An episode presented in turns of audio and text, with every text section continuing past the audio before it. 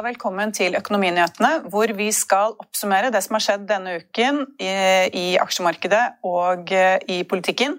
Og så skal vi da først til Oslo Børs og snakke om hovedpunktene fra aksjemarkedet i dag. Og på Oslo Børs beveger hovedindeksen seg rundt null etter å åpnet med et fall. Oljeprisen er svakt opp fra i går. Et eh, fat brentspot handles nå for rundt 63,2 dollar fatet. Magnora faller over 4% etter at storeier Kristen Sveaas storselger aksjer. Han kvitter seg med halvparten av sin eierandel i selskapet og sitter igjen med like under 10 Aker-aksjen er svakt ned med 0,7 til tross for at DNB øker kursmålet. Og Bank Norwegian faller etter at svenske Nordax dropper sitt bud på selskapet. Aksjen er ned 1,7% men på toppen av vinnerlisten ligger Aqualis Bremer, eh, en biotek-aksje som stiger nesten 12% på nyheten om at Nordea starter dekningen av selskapet og ser for seg en oppgang fremover.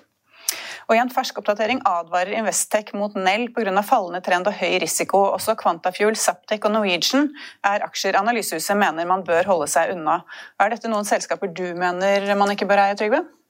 Nå, nå snakket du raskt.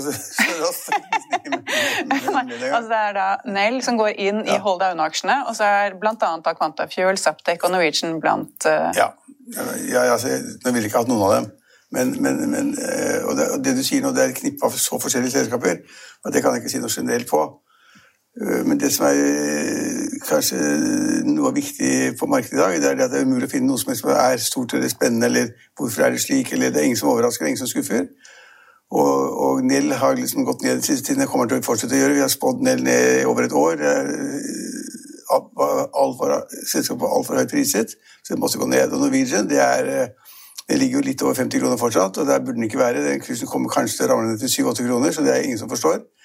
Eh, og de som da trader, ofte småaksjonærer, de vet vel ikke helt hva de gjør. Og Samtidig så har jo da, har jo da Flyr, som konkurrenten, den har da beveget seg nedover mot emisjonskursen, som var 5 kroner, så den har ligget på 5 kroner og 10 år de siste dagene. Det er uhyre små endringer, og det er ingenting som liksom viser om det går rett i veien eller ikke. Eh, så det er kjempekomplisert. Og så kan man spørre seg hva da har skjedd i uken som gikk som er viktig. Eh, og det viktige er nok i det uken som gikk, tror jeg, at uh, markedet ble oppmerksom på at uh, de såkalte grønne aksjene, de fornybare aksjene, de, de, er ikke, de, er ikke, sikre vinnere. De gikk altfor mye, og særlig disse røkkeselskapene, det var fire-fem av dem, de ble introdusert i markedet. Det er ganske skyhøy kurs, syns jeg. Og selskapene ble automatisk til 4-5 milliarder kroner mer verdt fordi de da kom, inn i nye selskaper og under en paraply som heter Horizon, Aker Horizon. Så jeg tror markedet liksom har brukt en uke på å tenke seg om at liksom, de gikk ikke til himmels uansett, og, og de gikk ikke til himmels fordi de var Røkke. Og så, og så har liksom, så da falt aksjene ganske mye. Så gikk de litt opp igjen, og i dag er det pluss-minus null for nesten alle selskapene.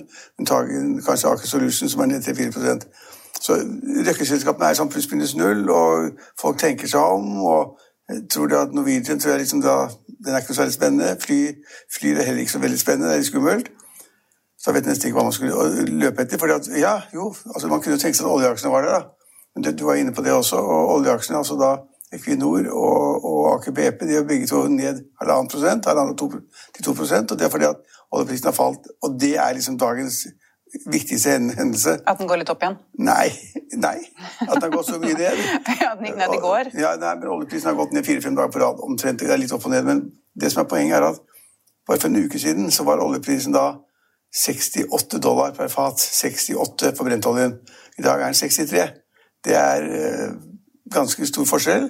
Uh, og ingen hadde regnet med det. Og det var diskusjoner, vi hadde diskusjoner her også. Det var mange som sa at nå liksom verden er reddet, Europa kommer igjen, folk skal begynne å reise, skal begynne å fly, bruke biler. Den økonomiske aktiviteten i verden er på plass. Da må de ha mer olje til bilene og flyene og alt det måtte være. Derfor vil oljeprisen gå opp fra 67-68 dollar per fat. Gå opp så har han ramla ned i 63. Eh, og Det tyder på det at eh, veldig mange i Europa ikke tror at eh, Europa blir kjempefin. og at De tror ikke at du og alle andre skal kjøre bil. De tror ikke at du og alle andre skal reise med fly til Mallorca eller Nice eller London eller Miami. eller hvor det måtte være. Så det at oljeprisen faller såpass mye, etter min oppfatning er et tegn på at det er usikkerhet om makroøkonomien fremover. At det ikke blir så stort forbruk av olje som mange har trodd og sagt. Jeg har vært skeptisk til den forbrukssiden hele tiden. Eh, fordi at det har vært, Før så var det slik at man da eh, brukte, konsumerte da 100 millioner fat hver dag. da, Så ramlet det ned til 90. Og det er ganske mye som skal opp derfra igjen. Og samtidig så har det vært på tilbudssiden har de da skrudd igjen tilbudet for å få prisen opp Hvis man da ikke hadde skrudd igjen tilbudet i, i, i, i OPEC-landet, så ville kanskje da produksjonen blitt ett eller to eller tre millioner fat mer hver dag, og da vet man hva som hadde skjedd i markedet. Prisen hadde falt enda lenger ned. Men det vi har sett, er et kjempefall, etter min mening. Fra 68 til 63, det er et kjempefall. Men det er vel kanskje da fordi at folk har innsett, eller da investorene har innsett at eh, det er ikke så rett frem som det man har trodd, da? Nei, det er ikke så rett frem. Det er veldig vanskelige tider. Og vi vet jo alt som har med vaksinering å gjøre, og nedstengning i andre land, og det går kjempesakte å få det i orden. Selv om vaksineringen går altså ekstremt fort i noen land, Storbritannia bl.a., Israel, ja, andre land. Så går det kjempefort. Eh, men, men, det er ikke alle landene. Og det er ikke liksom alle land som gjør det samme. Og det, det tar tid. Nå er vi i mars. Så er det liksom april, mai, juni. Det er sommeren. og og kanskje er det slik at man da uh, har, har, vaksinert så mange at det blir et, et, skifte hvis man kommer til juli. For de europeiske landene stort sett har jo ferie i juli. Vi har jo ferie i juni og juli. Men, men de har ferie i august, ish. Ja, ja juli-august, da. Mens vi har ferie i Norge har vi ferie liksom slutten av juni og juli.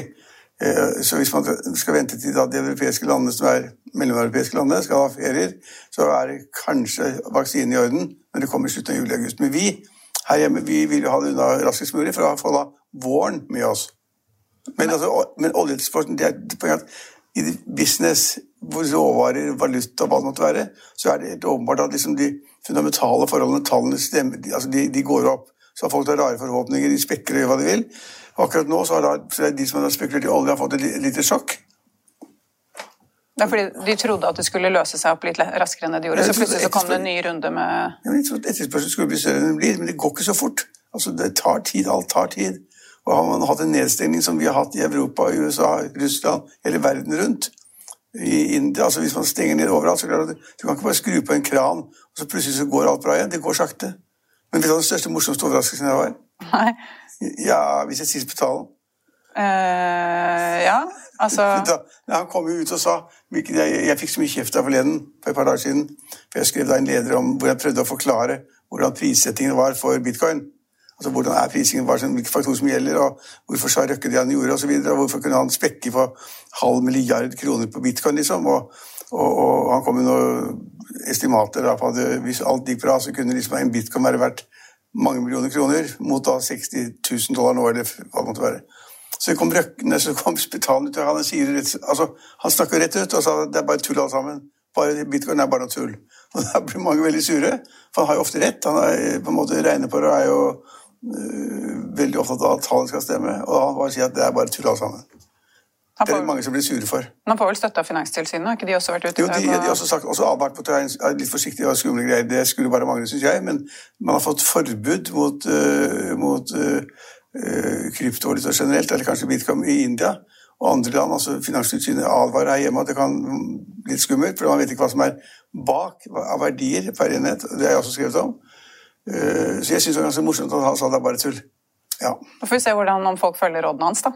Ja, altså, ja, det kan du godt si, men, men, men altså, jeg tror ikke norske, unnskyld, norske aktører klarer å påvirke markedet. Det tror jeg ikke. Det er for få kjøpere eller selgere. Da må du til de store verden. Elon Musk og, og Tesla de kjøpte for halvannen milliard dollar. Da kan det kanskje påvirke litt. Grann.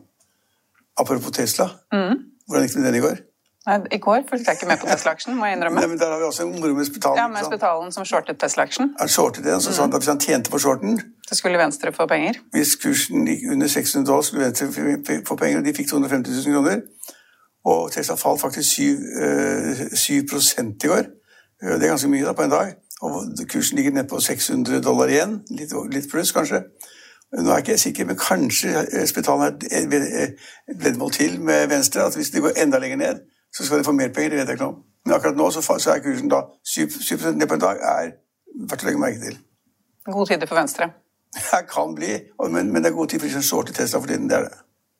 Men eh, vi sier jo at det er en ganske kjedelig børs i dag, siden den beveger seg rundt nullpunktet. Den seneste uken så har jo da hovedindeksen den er ned 0,7, det er ikke så veldig mye det heller. Men det tyder jo kanskje på at markedet er litt sånn avventende, da? Ja, vi, har, vi har jo hatt oppgang etter oppgang etter oppgang. Vi har jo hatt all time high i Amerika dag etter dag, uke etter uke. Liksom det er bare all time high, all time high. Dow Jones 31, 32, 33, Det er liksom det er hele tiden. Og Oslo Børs var jo bare et par uker tilbake, så var vi også på all time high. Og, og, du kan ikke gå sånn hele tiden. Det må komme noe nytt i markedet. altså en Ny vekst, ny kraft, et eller annet som man ikke kjenner til, og noe som skaper interesse. Men når alt er såpass nedlåst, så får du en avventende holdning, og den er der nå. Nå, tenker, nå tenker folk at dette er nok, kanskje. Og noen kanskje begynner å selge seg ut. De tar fortjenestene sine. Det vet ikke jeg, men det burde gjøre. Og så må man se hvordan verden går, da. Men så er det en underliggende tone. Det er positivt at liksom veksten kanskje blir ganske bra likevel. Og hvis det slår til på slutten av sommeren eller nærmere juni-juli, og sånn, så kan på en måte verden ta seg opp igjen i antall år. Og det er også masse kommentarer fra da, de, altså, landene i Middelhavet som da lever av turisme. 90 av inntektene i disse byene langs kysten som du har vært i, jeg har vært i, ligger på stranden der og badet. 90 av inntektene er fra turister. Det er liksom hotellene, restaurantene, bilene, drosjene underholdningen, tur altså alt, det, er, turisme, turisme, turisme. Det er dødt. Derfor vil jo disse landene få det opp igjen. og Derfor vil regjeringene gjøre alt de kan for å få ting i gang. Få liksom åpnet hotellene, få noen flyruter til å begynne å gå igjen osv. Så, så det er et voldsomt trykk overalt for å få liksom økonomien opp igjen og få i gang turismen. Også i Norge, så har vi Vestlandet og nordover, så er det jo altså, tusenvis av selskaper, små, små selskaper som driver med liksom, utleie av sykler eller kjører drosje eller kjører buss. sånne utfart med buss og turister og sånn, og de, de, har ikke noe å gjøre. For det er ikke noen turister der. Og så venter man da på at de norske turistene skal komme i sommer. Det er ikke sikkert å gjøre. De kom i fjor. Og så håper man på de utenlandske, men det er masse som er liksom stivnet, at det er låst. Så man trenger litt at det, Og en ting kan være det du, det du, var inne på, at det blir en boom på vaksinesettingen. Liksom Det går raskere enn noen har trodd, og det blir mer enn alle har trodd. Og plutselig så får vi da liksom sånn vaksinesertifikater eller pass kan reise hvor vi vil. Så vi kan reise til sommeren? Kanskje. Mm. Da vil det endre seg, men akkurat nå så er det litt dødt. Ja. Folk er, nordmenn er kanskje lei av Lofoten allerede? Jeg vet ikke. Ja, de var der i fjor? Ja, ja, ja men er, jeg, tror, jeg, tror, at det norske reiselivsmarkedet blir bra i sommer. For det er såpass mange som ikke tør bestille reise i utlandet. Og hvis de hadde tur, så får de ikke gjort det. Og da planlegger de nå heller å reise til Lofoten, som du sier, eller til et annet sted. Gå i fjellet eller whatever. Men fremdeles har vi jo da trusselen fra da smittebølgen. Som det gjør også at folk ikke tør bestille og gjøre noe som helst. Vi, ja, det, altså, det, er litt, litt, svake tider på børsene, for det reflekterer bare speilbildet av at det er usikkerhet i verden. Økonomisk. Men eh, hvis vi ser litt på de selskapene som faktisk har steget i dag, så er det jo da f.eks. et Aqualis Bremer-selskapet eh, som eh, driver med innen fornybart, Everfuel er opp, og Horisont er opp. Så det er jo også, det er alle sammen er jo grønne selskaper, så man har jo fortsatt tro på det. Altså, ja, det ja ikke... absolutt, men altså, det, ikke, det kan ikke gå rett i. Men det blir ikke hvert tre milliarder mer fordi du lager et papir med powerpoint-presentasjon. Det er ikke sånn det er. Så nå får folk tenkt seg om, og så får de liksom da være litt mer forsiktige. Og det blir dratt altfor mye med i den der, altså, fornybare sektoren til Røkke de fire, fem, seks selskapene, det ble for mye for markedet. Veldig entusiasme, og så nøkternhet, og så tenkte de la oss selge oss ut og bli ferdig med det, så får vi vente og se. Så for mye, rett og slett? Det blir for mye, og det er jo masse andre selskaper som ligger i pipeline, det skal komme flere.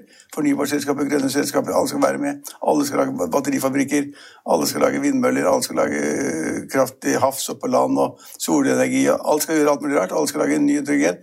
Hydrogen er verdens største hit, i hvert fall i Norge.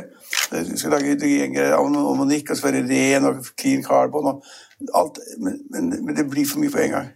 Og, ja. Men er det noe annet som du har lagt merke til ved markedet i dag? eller er det egentlig Nei, det er dødskjedelig. Jeg, har jeg har sett opp og ned på listene. Det er ikke noe, det er ikke et, etter mine øyne ikke et spennende selskap. I'll see you in court. Vi sier det ofte litt på spøk, men for deg som driver business, er det aldri moro å innse at du ikke har laget en 100% gyldig kontrakt. Du bør ikke risikere hele firmaet ditt fordi du synes dette med kontrakter er litt stress. En avtale er ikke en avtale. Du kan miste kunder, miste venner, ja, til og med miste inntekter om du ikke lager en skikkelig kontrakt, på alt mulig, egentlig. Men vi vet det er et styr, kopimaskiner, tregprinter og haugevis av papir. Dessuten stoler vi jo på folk her i landet.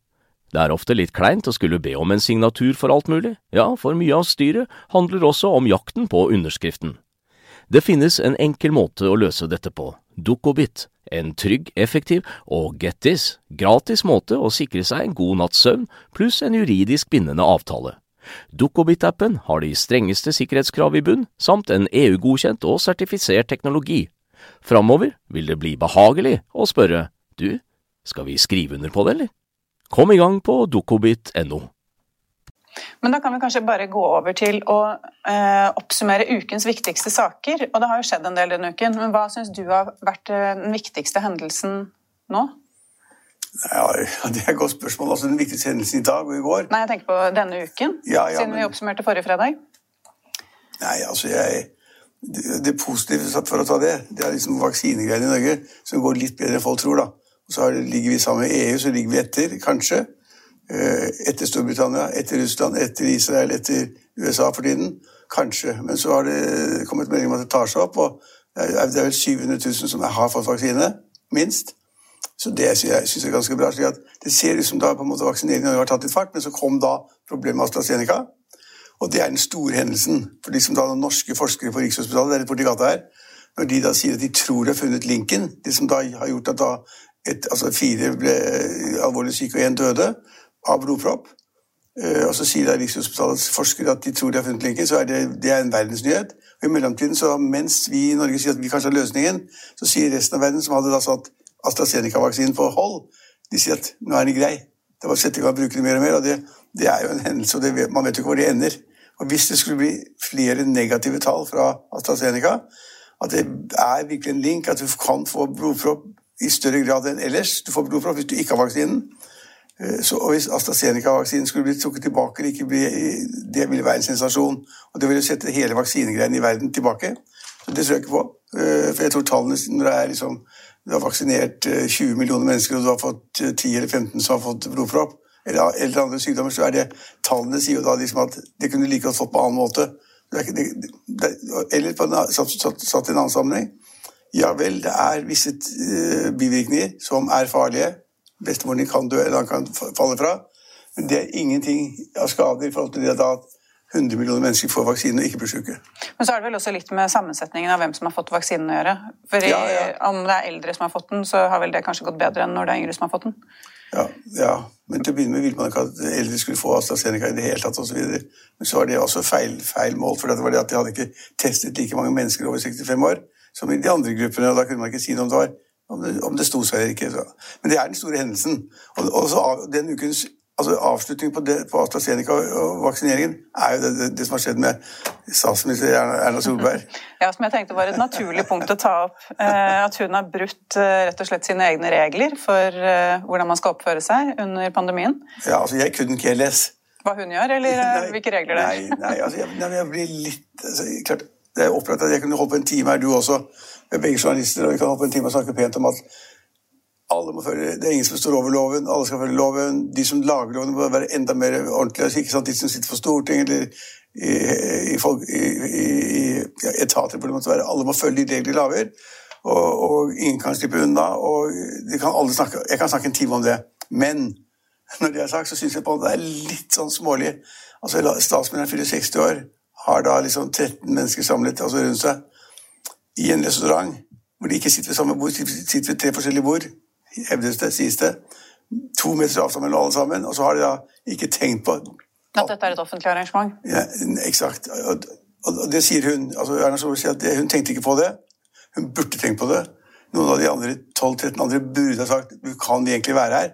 Det er kommet så mange nye forskrifter. Men senest fredag så satt da direktøren i, i, i Helsedirektoratet satt og sa, da ble spurt konkret på Dagsnytt 18 hvordan er de reglene? Kan du ha én på besøk eller to på besøk? Og hvis du kan ha én på besøk, kan du ha én hver dag. Hvor mange samlet over uka? Sånn? Han kunne ikke svare for seg. Altså, han kunne ikke svare for seg. Bare som med, sånn, så bort på Camilla Stoltenberg Vet du, Camilla? Altså, øh, det viser på at det er en usikkerhet, og vi, det er nye endringer hver eneste dag, frem og tilbake. Så at det går over stokk og stein, det, det, altså, det kan forstås. Når jeg har lest alle kommentarene, alt som er, og hørt på alt som er, alle er bare ensidig 100% mot Erna Solberg. At hun skal fengsles og, gå i, og straffes og alt mulig rart. Men jeg syns det er Jeg orker nesten ikke høre på det. Altså, øh, Men nå har jo NRK jobbet med denne saken i tre uker for å finne ut av om det virkelig stemte. Eh, og altså, Det er jo helt åpenbart. Hun er jo den øverste. Hun burde jo følge regler, hun også. Men selvfølgelig. Men allikevel. Selvfølgelig, det, ikke, det går ikke an å si noe annet at ikke hun skal følge reglene. De som lager lovene, bør følge dem. Og i denne saken her, hvor de har stått på pressekonferanse hver jævlig dag i uker, uker ut uker inn, så burde selvfølgelig da Bent Høie og Solberg og alle de andre de burde liksom da være de beste i verden for å følge regler. Men, men nå da i etterpå finne at de fulgte ikke reglene, det var 13 stykker, og de trodde kanskje at de kunne sitte ved de bordene når de ikke sto sammen de bordene, bla, bla, bla trodde hun da. Men så trodde hun da ikke dagen etter. Da, det, det, var da en restaurant, dagen etter var det en leilighet. Da er det andre regler. Da var det ikke, egentlig ikke forskningsstrid. Det er for man kan ha besøk, men du kan vel ikke være mer enn ti? Nei, men, men, men, men, men Linn, Altså, jeg bare sier Jeg skjønner alt det der. Alt det teoretiske, alt det filosofiske. Og det kan holde på i evighet med kommentarer og reportasjer i kveld. Helt sikkert i Dagsrevyen, TV 2, om at og om at om at. Jeg bare sier at jeg var statsminister. Hun fylte 60 år. Hun var i Oslo, måtte, måtte på sykehus for å ordne opp noen øyegreier, eller hva det var. Kom tilbake til Geilo. Det burde man kunne glemme. Det er ikke verdens undergang. Men, sam, men, samtidig, jeg har en eh, nyfylt, eh, eller en eh, fersk seksåring hjemme som ikke fikk feire bursdagen sin. Hun syns jo det er trist. Ja, og det, det, det, er det grunn til. Og det er grunn til at det ikke får, det er grunn til å være trist at ikke får reise med familie fra Oslo til Ålesund eller til Bergen, hvor det måtte være.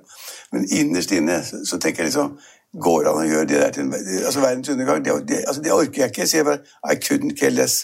Men man kan jo kanskje si at hun har hatt litt dårlig rådgiver òg. Jeg regner med at hun kanskje kunne fått et lite hint fra de rundt henne? Ja, absolutt. Altså, altså, absolutt. Altså, hvis du og jeg hadde vært med i middagsselskapet, så burde du vært flinkere til å sagt du Erna, nå det er tre bord, men liksom, er ikke noen regler om ti her? Altså, er vi 13? Hva faen?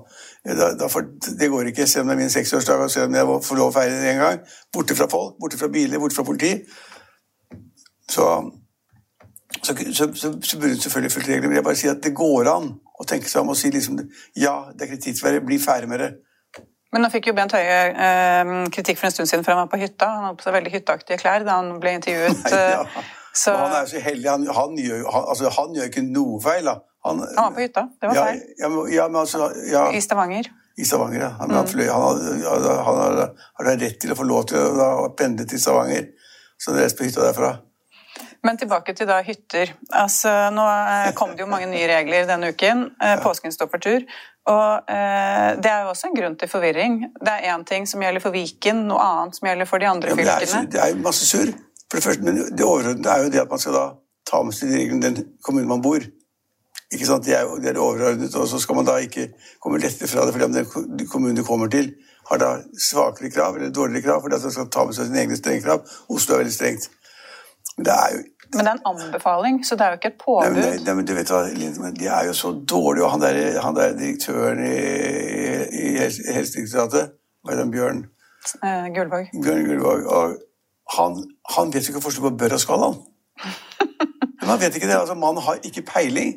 Så viktig i embetet. Så når det er slik at vi alle andre oppfatter at der mener jeg vel skal. Man skal ikke reise dit. Man skal ikke ta, ta med bestemora. Man skal ikke være mer enn ti, eller man skal ikke besøke, ha besøk av mer. Så sier han bør hele tiden. Man bør ikke ha med mer hjem. Man bør ikke være mer enn sånn. Men svarte rakkeren, hvis bør er jo ikke noe pålegg. Det er ikke noe forskrift. altså Bør det er en henstilling. det. Han skulle sagt skal ikke, skal ikke, skal ikke. Han, så, vi, så, inntil altså, direktøren i Helsedirektoratet ikke vet forskjell på bør og skal, så er det komplisert for resten av befolkningen, befolkningen hva som foregår. Men det er vel kanskje noe lovmessig en forskjell der? Da? fordi Oslo nå så er det et forbud mot å ha besøk av mer enn ti. Nei, mer enn to. Ja, ja, men da sier ikke Raymond Johansen sier ikke 'bør' da. Nei, da sier du 'skal ikke'. Ja, nettopp. Ja. Men det er kanskje det jeg mener da med Gullvåg, at han kan ikke si 'skal' hvis ikke det er uh, forbudt. Altså... Nei, men da... Man kan ikke si 'bør'. Altså, I min verden jeg, jeg, altså, bør vi skriver hver dag. Bør ikke gjøre sånn. Da mener vi 'bør'. bør. Det er ikke noe pålegg, det er ikke en lovregel. Altså, og når det er så mye uro, så mye uklarheter og så mye surr, og samtidig så går da smittegreiene opp som rakkeren ja, okay, Da, da synes jeg det at statsministeren spiste med 13 andre, det syns jeg er uviktig. Men jeg, ikke, jeg, vil aldri stå og forsvare at hun gjorde det, men det er uviktig. Og så burde du eller jeg eller andre rådgivere vi hadde sagt at Erna, det kan du ikke gjøre. Nå går vi hjem. Men eh, tilbake til dette her med nye regler. Eh, nå er det jo, eh, I Oslo så har vi jo hatt stengte butikker og hatt det ganske eh, hva skal vi si, nedstengt, nedstengt, og strengt veldig lenge. Og nå har jo det blitt flyttet til Viken. Og Viken har jo da blitt et storfylke, sånn at også mange av de typiske hyttedestinasjonene blir jo nå Eh, altså De må jo stenge sine butikker. Til og med skiheiser. Jeg har ikke vært der, men ja. et eller annet sted oppi eh, og, så, og så sier jo da handelsstanden selvfølgelig i disse områdene at dette er helt fryktelig, og de frykter for uh, situasjonen fremover. Men det er jo det vi har levd med veldig lenge. Er det egentlig synd på dem? Ja, er, altså jeg syns jo på alle næringsdrivende som har bestemt å stenge Enten du driver blomsterforretning eller du har bokhandel Blomsterforretninger får holde åpent? ja, overalt. Ja, I hvert fall i Oslo. Ja, ja I hvert fall på, på, på CC Vest. Referansesenteret vårt. ja. ja. Nei, jeg bare sier at enten driver klesbutikk, et, et, et ektepar eller to eller tre mennesker eller venninner som driver en klesforretning eller hva som helst, lampeforretning, eh, leker, leker til barn altså, De som har kjøpt inn masse rart eh, og skulle selge det ut i påsken, da en del av påskeunderholdning, en del av påskefritid osv. Så, videre. så alt ligger der. Skal det der ligge på lager til neste år? Alle næringsdrivende, og det er mest, altså mest de som er små, mellomstore, de taper jo voldsomt på dette her. Liksom, hva varene blir da, liksom Du må bare kaste dem. Så er de kjøpt inn, så er det kontanter, likviditetsstrøm skal de gjøre opp. Alle næringsdrivende taper på dette her. Og de, de, fleste av de små og mellomstore de får da ingen, ingen, kompensasjon for dette nå. Heiser står, eller hvis du reiser på ski til hvis du kjører opp til Nordfjell, hvor jeg er leilighet, og så skal du gå på ski, så er det, er det bare halvparten av kapasiteten, så du får ikke lov å kjøre den dagen. Du må vente en dag eller to. Det er færre inntekter. Like mange mennesker som jobber, gjort i stand alle løypene, heisene går, restaurantene er stengt, de som jobber der, får de tjener ikke penger. Altså, næringslivet blir rammet usannsynlig hardt for tiden. Men og jeg syns på alle, for jeg vet, hvordan det er næringsdrivende. Men nå kommer finansministeren med en eh, ny, eh, altså en litt utvidet ordning for de som blir rammet, da. Ja, er, og med hvem som får det, aner ikke jeg. Bare si, Det er tøft å drive business når etterspørselen plutselig blir borte. Det er null. Og så, og, og så får du til og med kjeft hvis du da permitterer folk.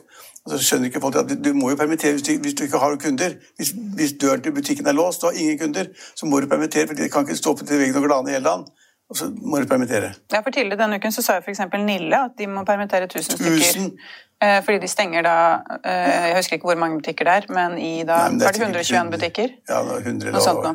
Eh, så det er jo veldig mange som rammes av dette her. Men alle butikker som stenger, rammes jo. Så det er næringslivet får en kjempesmell. Da går det på liksom, siste restene de har. Oppsparte midler, penger, trekker på kontoen sin i banken osv. Det, er, det er krise. Jeg tror, jeg tror ikke folk skjønner hvor stor krise det er. Men da får vi se da etter altså er Det er 6. april disse restriksjonene varer til. Vi får se da hvor, hva, de gjør da. Ja, hva de gjør da. Da må R-faktoren ha gått ned da, overalt. Ja. ja og det, det, det, det, gjenstår å se, da. Så er, nå er R-faktoren i Oslo 1,4 eller noe sånt. Var i hvert fall det her om dagen, ja. Ja, Det er krise. Det er krise at liksom hver som er syk, smitter 1,4. Nei, det er krise. Så det er, det er, en stor krise, og vi går inn i den derre den påskeuken. Og, og, men det er klart de fleste mennesker vil jo få seg sin skit. Har de hytte, eller låner hytte, så vil de få sin skit, og de kan få unga i pulken. og Det meste går unna.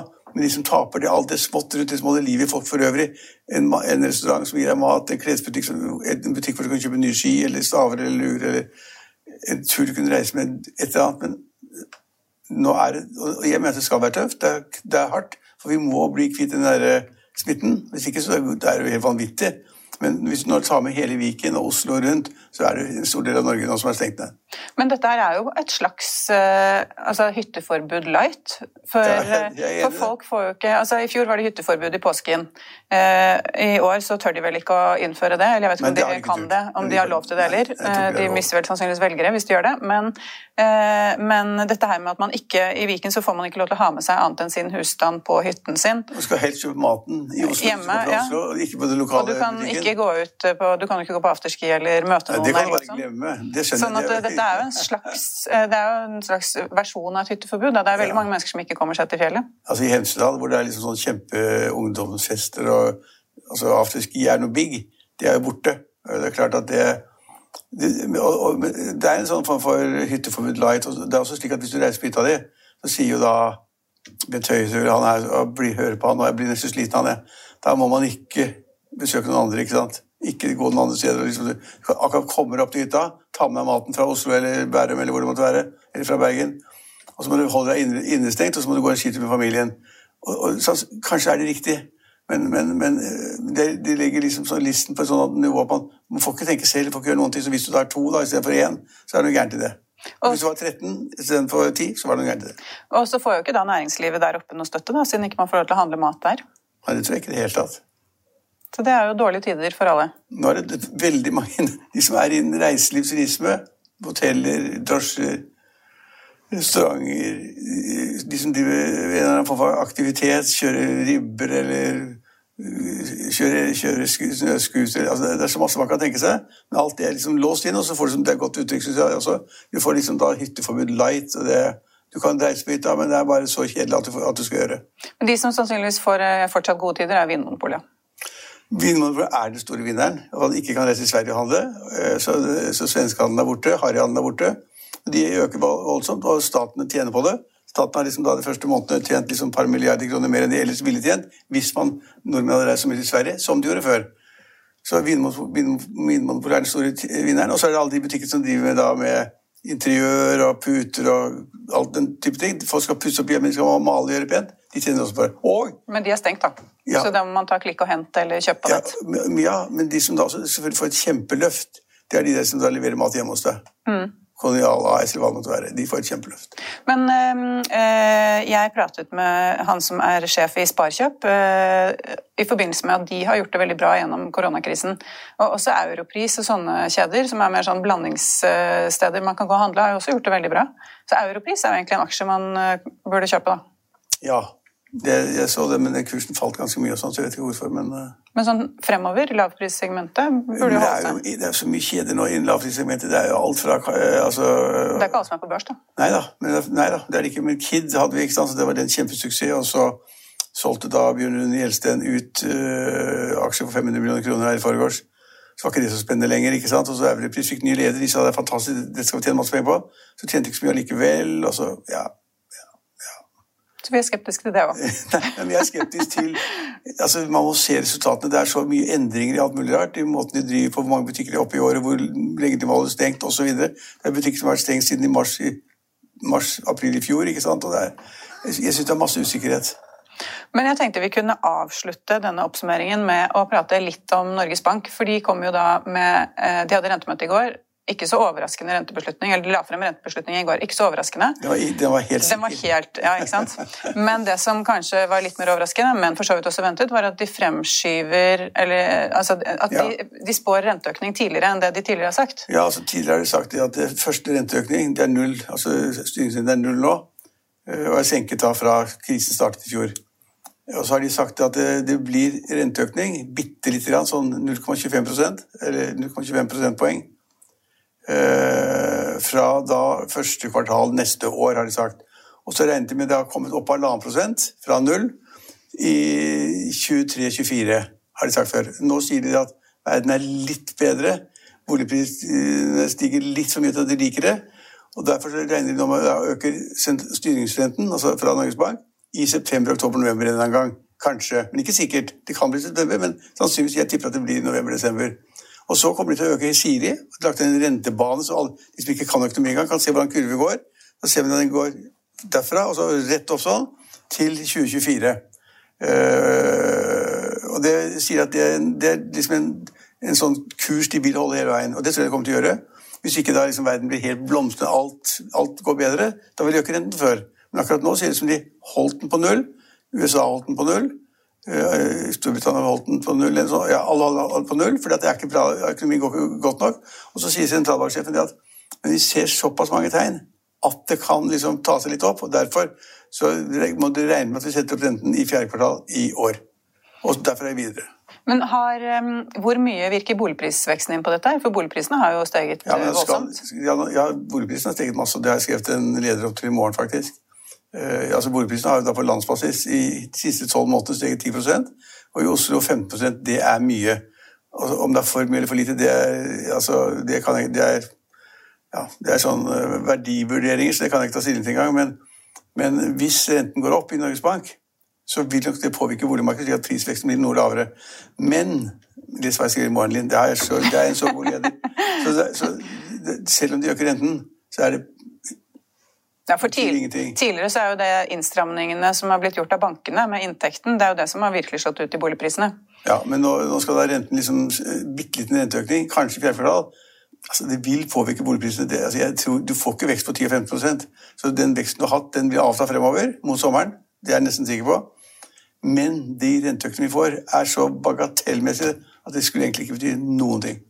Vi så en liten endring i eh, kronekursen, da, der hvor kronen styrket seg mot euroen, men nå er den jo litt tilbake igjen. den styrker seg fordi at hvis det er slik at hele verden da Har nullrente, og vi har litt rente. ja, Hvis de har null rente og vi begynner å få mer, litt rente og mer rente, så vil da folk i verden begynne å søke pengene sine i Norge, for de får mer rente, mer avkastning på dem. Da kjøper de norske eh, pengepapirer. Det kan nå tenkes. Men, men, men da er det noen som sier altså, Jan Andreassen sier at da skal liksom euroen ned fra 10 kroner til 9 kroner. Ja, det er ingen som er enig med han. Nei. Nei, nå står den i sånn ca. 10,16. Eh, I går var den nede i 10,02-10,01 etter Han sier rentemøtet. 9 kroner. Det er ganske, ganske Ja, det er stor forskjell. ganske stor forskjell. Men ja, vi får se hvordan det går. Men eh, ja, da har vi for så vidt oppsummert. ja, Ja. du, du får lese hva jeg skriver i morgen for det om boligprisene. for De som da driver og skremmer folk og sier at liksom, da, det skal bli boligkrakk nå, bare surr. Sånn som Finanstilsynet sier. Ja, bare tull. Ja, da får vi vente å lese den. Vi eh, får vente hvem som får rett av Finanstilsynet og Hegnar. Skal vi se. Ja, vi får se om det blir boligkrakk eller ikke. Bare tull. Må ikke si ordet engang, nei. Men da har vi egentlig oppsummert de viktigste sakene denne uken. Og det var det vi hadde i dag. Vi er tilbake på mandag klokken halv fire. Du kan se oss igjen da. Ha det bra.